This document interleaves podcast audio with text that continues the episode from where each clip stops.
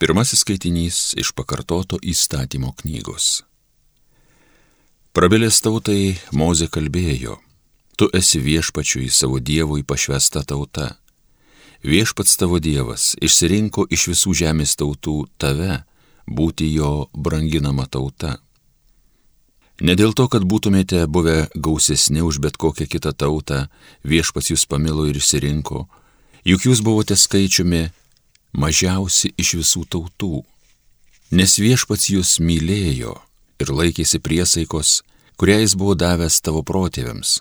Viešpats išvedė jūs galingą ranką ir atpirko tave iš vergyjos namų, iš faraono, Egipto karaliaus rankos. Todėl žinau, kad viešpats tavo Dievas yra Dievas, ištikimas Dievas, kuris ištikimai laikosi sandoros su įmylinčiais ir vykdančiais jo įsakymus lik tūkstantosios kartos, kuris nedėlsi atlyginti sunaikinimu to asmens, kuris jį atmeta. Su tokiu jis nedėlsi, bet tam asmeniui tuo jau pat atlygina. Laikykis tad uoliai įsakymo, įstatų ir įsakų, kuriuos šiandien įsakau tau vykdyti. Tai Dievo žodis.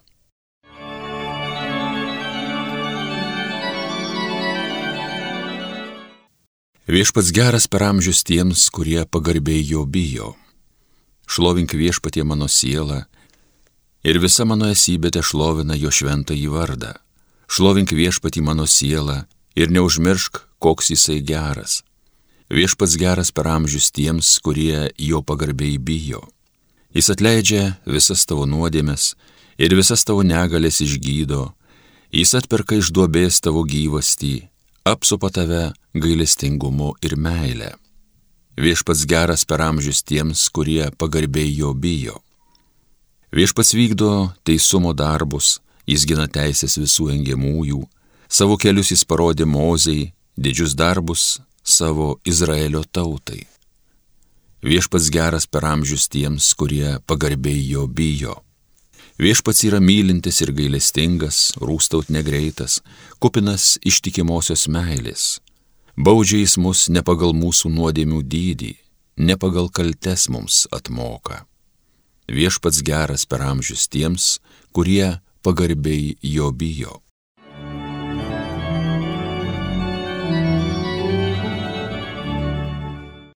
Antrasis skaitinys iš Šventojo Paštalo Jono pirmojo laiško.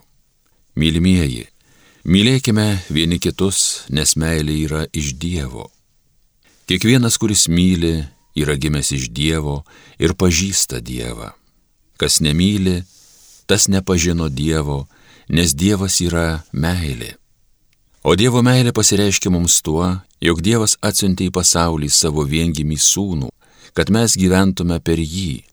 Meilė ne tai, kad mes pamilome Dievą, bet kad Jis mus pamilo ir atsiuntė savo sūnų kaip permaldavimą už mūsų nuodėmės. Mylimieji, jei Dievas mus taip pamilo, tai ir mes turime mylėti vieni kitus. Dievo niekas niekuomet nėra matęs.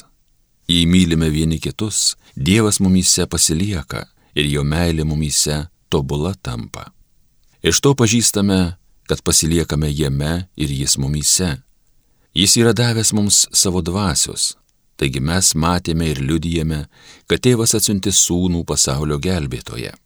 Kas išpažįsta, jog Jėzus yra Dievo sūnus, Dievas tame ir tas Dieve pasilieka. Mes pažinome ir įtikėjome meilę, kurią Dievas mus myli. Dievas yra meilė. Ir kas pasilieka meilėje, tas pasilieka Dieve ir Dievas pasilieka jame. Tai Dievo žodis. Alleluja, alleluja, alleluja. Imkite ant savo pečių mano jungą ir mokykitės iš manęs, sako viešpats, nes aš romus ir nuolankios širdies. Alleluja.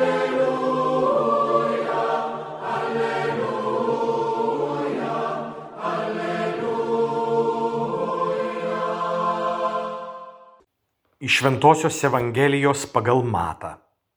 Anuo metu Jėzus bylojo, aš lovinu tave tėvę dangaus ir žemės viešpatie, kad paslėpė tai nuo išmintingųjų ir gudriųjų, o apreiškiai mažutėliams. Taip, tėve, nes tau taip patiko. Viskas man yra mano tėvo atiduota ir niekas nepažįsta sūnaus tik tėvas, nei tėvo niekas nepažįsta tik sūnus ir kam sūnus panorės apreikšti. Ateikite pas mane visi, kurie vargstate ir esate prisilėkti, aš jūs atgaivinsiu. Imkite ant savo pečių mano jungą ir mokykitės iš manęs, nes aš romus ir nuolankio širdies ir jūs rasite savo sieloms atgaivą. Mano jungas švelnus, mano našta lengva.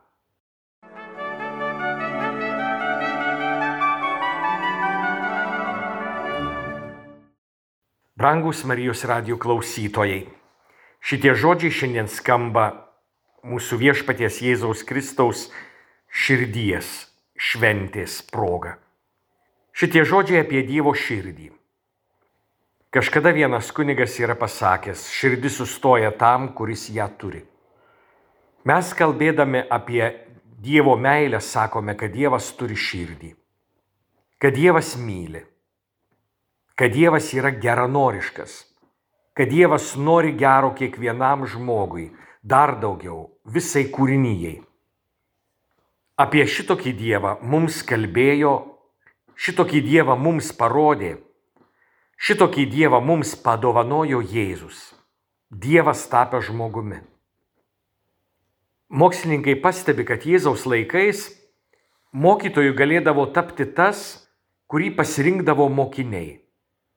Ateidavo pas žinomą ar mažiau žinomą žmogų, ir jam sakydavo, išmokyk mane savo išminties, perduok man tai, ką žinai, o aš tau tarnausiu. Jėzus pats ieškojo savo mokinių. Todėl paskui pasakė, ne jūs mane įsirinkote, bet aš jūs įsirinkau. Ir kai mokiniai manė, kad jie turi būti tarnais mokytojui, jis pasakė, nebevadinu jūsų tarnais, nes Tarnas nežino, ką veikia jo šeimininkas. Jūs aš draugais vadinu, nes jums viską paskelbiau, ką buvau iš savo tėvo girdėjęs. Jis įsirinko ne gudriuosius ir išmintinguosius, o mažutėlius. Tuos, kurie sako, man reikia tavęs. Vienas didžiausių ir gražiausių meilės apibrėžimų - džiaugiuosi, kad tu esi. Man gera, kad tu esi. Aš pasistengsiu, kad tu būtum laimingas. Neseniai pasirodė knyga Dievas be minties apie blogį. Jeigu apie Dievą mastome, kad jis pyksta, kad jis nepatenkintas, kad jis baudžia, kad jis naikina, tai vis kalba ne apie Dievą, o apie žmogų. Dieve nėra blogio. Dieve yra meilė. Kai kas pastebėjo ne šiaip savo meilį, bet didelį meilį. Viešpats mums apreiškia Dievą, kuris myli. Dievą, kurio širdis romi ir nuolanki. Štai kodėl mums visiems reikia būti romiems ir nuolankiems, panašiems į Dievą. Tai nereiškia, kad reikia būti kvailiems Tai reiškia, kad mes turime persimti Dievo išmintimi. Dievas neprievartauja. Kai kas yra pastebėjęs, kad Dievas yra džentelmenas. Jis laukia pakvietimo ir tik tada užeina. Dievas neišprievartaus, neišreikalaus. Jis kantriai ir tyliai lauks, kada jį pakviesi, kada jį išgirsi, kada jį priimsi Dievo nuolankumas. Štai kas mus turėtų nustebinti. Mes įsivaizduojame Dievą galingą, sėdintį sostę ir besisvaidantį žaibais, o Dievas yra nuolankus, kantriai laukiantis mūsų atsiliepimo, mūsų atsivertimo, mūsų širdies perkeitimo. Tiesą pasakius, jis nelaukia, jis veikia, jis dirba. Jis sakė, mano tėvas darbuojasi likščioliai ir aš darbuojuosi. Jis ragina, skatina, kviečia, maldauja. Žydai turi posakį Dievas meldžiasi žmogui. Maldauja, kad aš atsiliepčiau. Štai su tokiu Dievu Jėzus supažindino mus. Tokį Dievą mums padovanojo. Toks Dievas yra Jėzaus tėvas. Toks Dievas yra Jėzus. Tokie turime būti ir mes. Neatsitiktinai 1995 metais šventasis popiežius Jonas Paulius II priėmė kunigų kongregacijos pasiūlymą ir įsteigė pasaulinę kunigų šventėjimo dieną, kurią pakvietė paminėti kiekvienoje vyskupijoje švenčiausios Jėzaus širdies iškilmės dieną. Kaip kunigui siekti šventumo? Kas jam gali sukliudyti ir kaip jam gali padėti tikintieji? Štai kardinolo Benjamino Stelos, kunigų kongregacijos prefekto mintys. Kunigas realizuoja savo pašaukimą, misiją, tad ir šventumą būdamas gyvų Kristaus buvimo ženklų savo žmonėms, aktyviai jiems tarnaudamas, ypač stokojantiems. Kai kunigas taip gyvena, jo širdies kompasas rodo į šias dvi meilės - meilę Dievui ir meilę tautai. Jis nėra prisirišęs prie savęs ar prie šio pasaulio daiktų, tačiau neturto, skaistumo ir klusnumo pasiryžimais išreiškia savo vidinę laisvę būti dėl kitų. Žinoma, tai ne visada lengva misija. Dėl šiandieninių socialinių ir kultūrinių kontekstų sudėtingumo, dėl reikalingos psichikos ir jausmų brandos, dėl vidinio sugebėjimo tvirtai atlaikyti nuovargį ir sunkumus poreikio, dėl solidaus ir asmeninėme santykyje su Jėzumi ir jo žodžiu įsišaknyjusio dvasingumo būtinybės. Kuniga nuvargina paštalinės veiklos nuovargis, tačiau dar pavojingiau tai, ką popiežius Pranciškus yra pavadinęs vilties nuovargiu, kuris apsunkina ir išsekina širdį.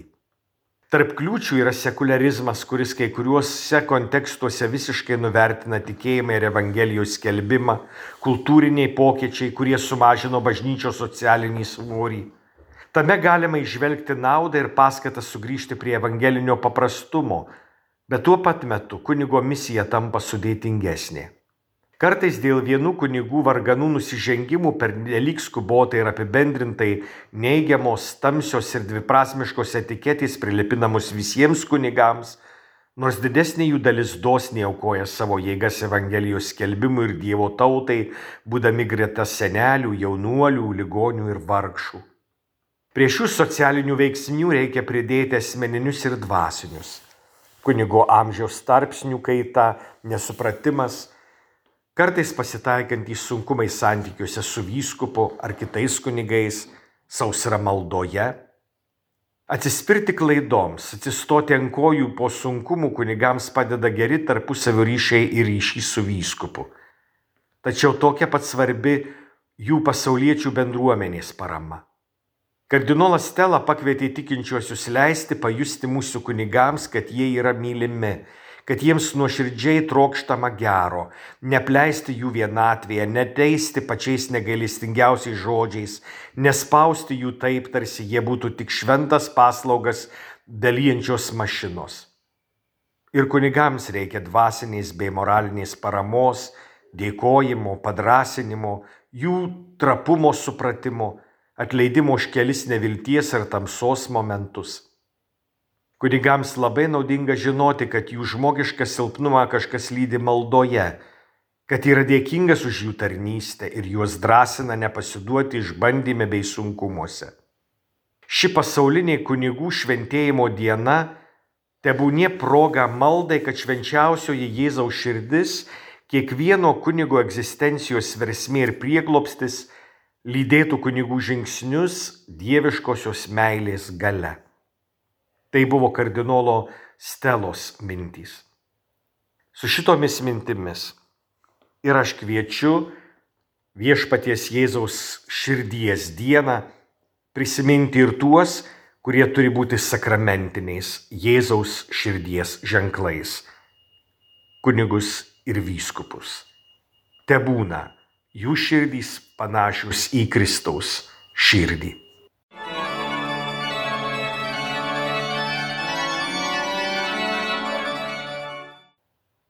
Homilija sakė kunigas Artūras Kazlauskas.